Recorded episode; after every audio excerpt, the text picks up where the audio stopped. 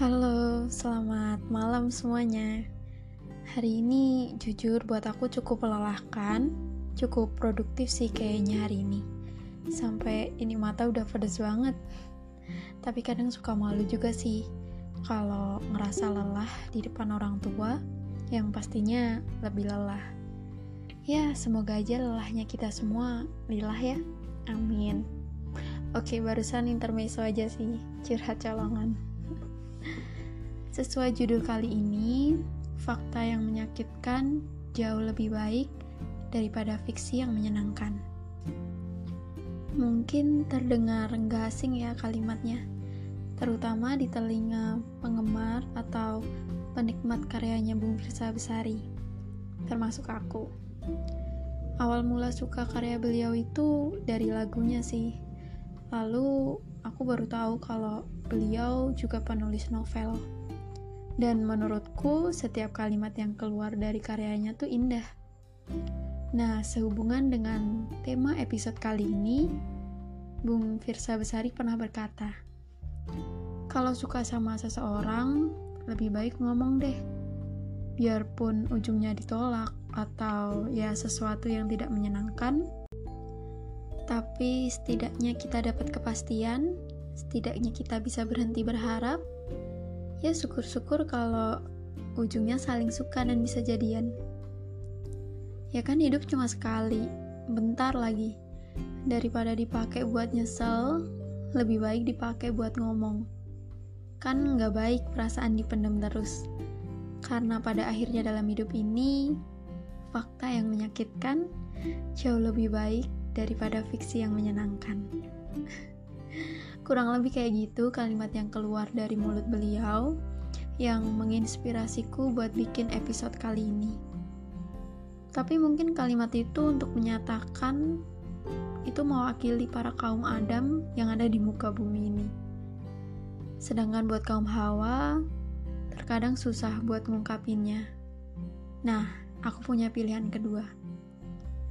Kalau kamu yang dengerin ini adalah seorang cewek dan kamu masih menyimpan rahasia tentang perasaan kamu ke seseorang, kalau belum berani buat menyampaikan, coba deh doakan. Dengan berdoa, menurutku itu adalah sebuah bentuk ikhtiar juga, dan menyampaikan juga kok. Tapi ke Sang Pencipta, Maha membolak-balikan hati kita.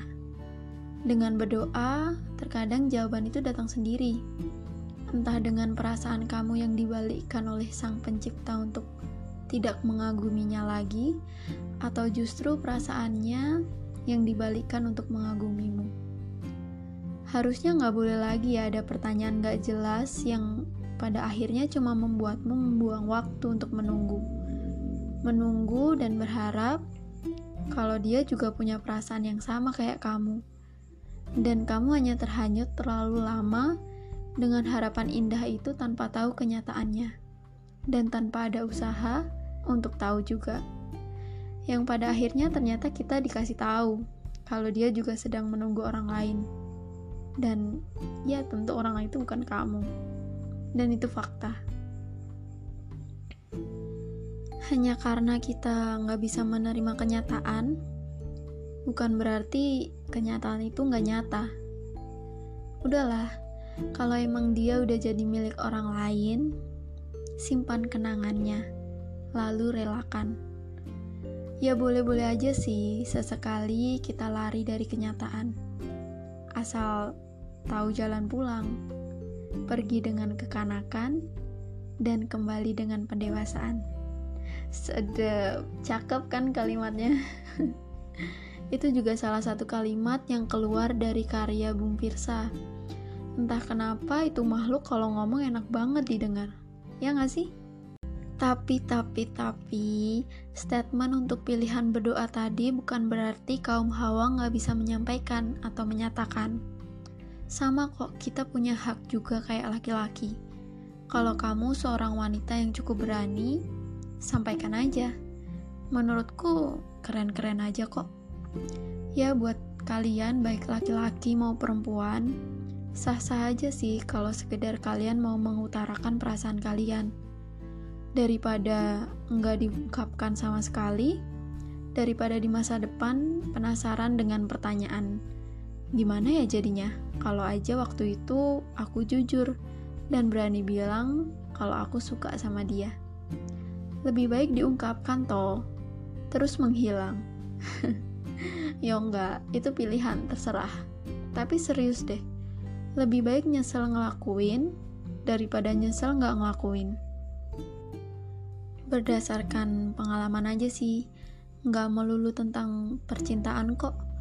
Menurutku kalimat itu cocok buat semua hal. Lebih baik coba dulu, hasilnya entar belakangan. Kalau usaha kita maksimal dan dia emang jodoh kita, baik itu jodoh berupa teman hidup, jodoh berupa pekerjaan, ataupun jodoh berupa rezeki, kesehatan, dan sebagainya, pasti bakal kita dapetin kok. Dan rasa bangganya tuh lebih kerasa kalau kita ada effort buat dapetin itu semua. Gak cuma pasrah sama keadaan tanpa ada ikhtiar sama sekali karena takut akan kenyataan yang tidak sesuai dengan impian. Oke, sekian episode malam ini. Semoga menghibur dan memberi semangat buat kamu terus maju. Karena ingat, waktu gak mau nunggu kita tapi kita yang harus menyesuaikan waktu. Jadi, jangan terlalu lama jalan di tempat ya.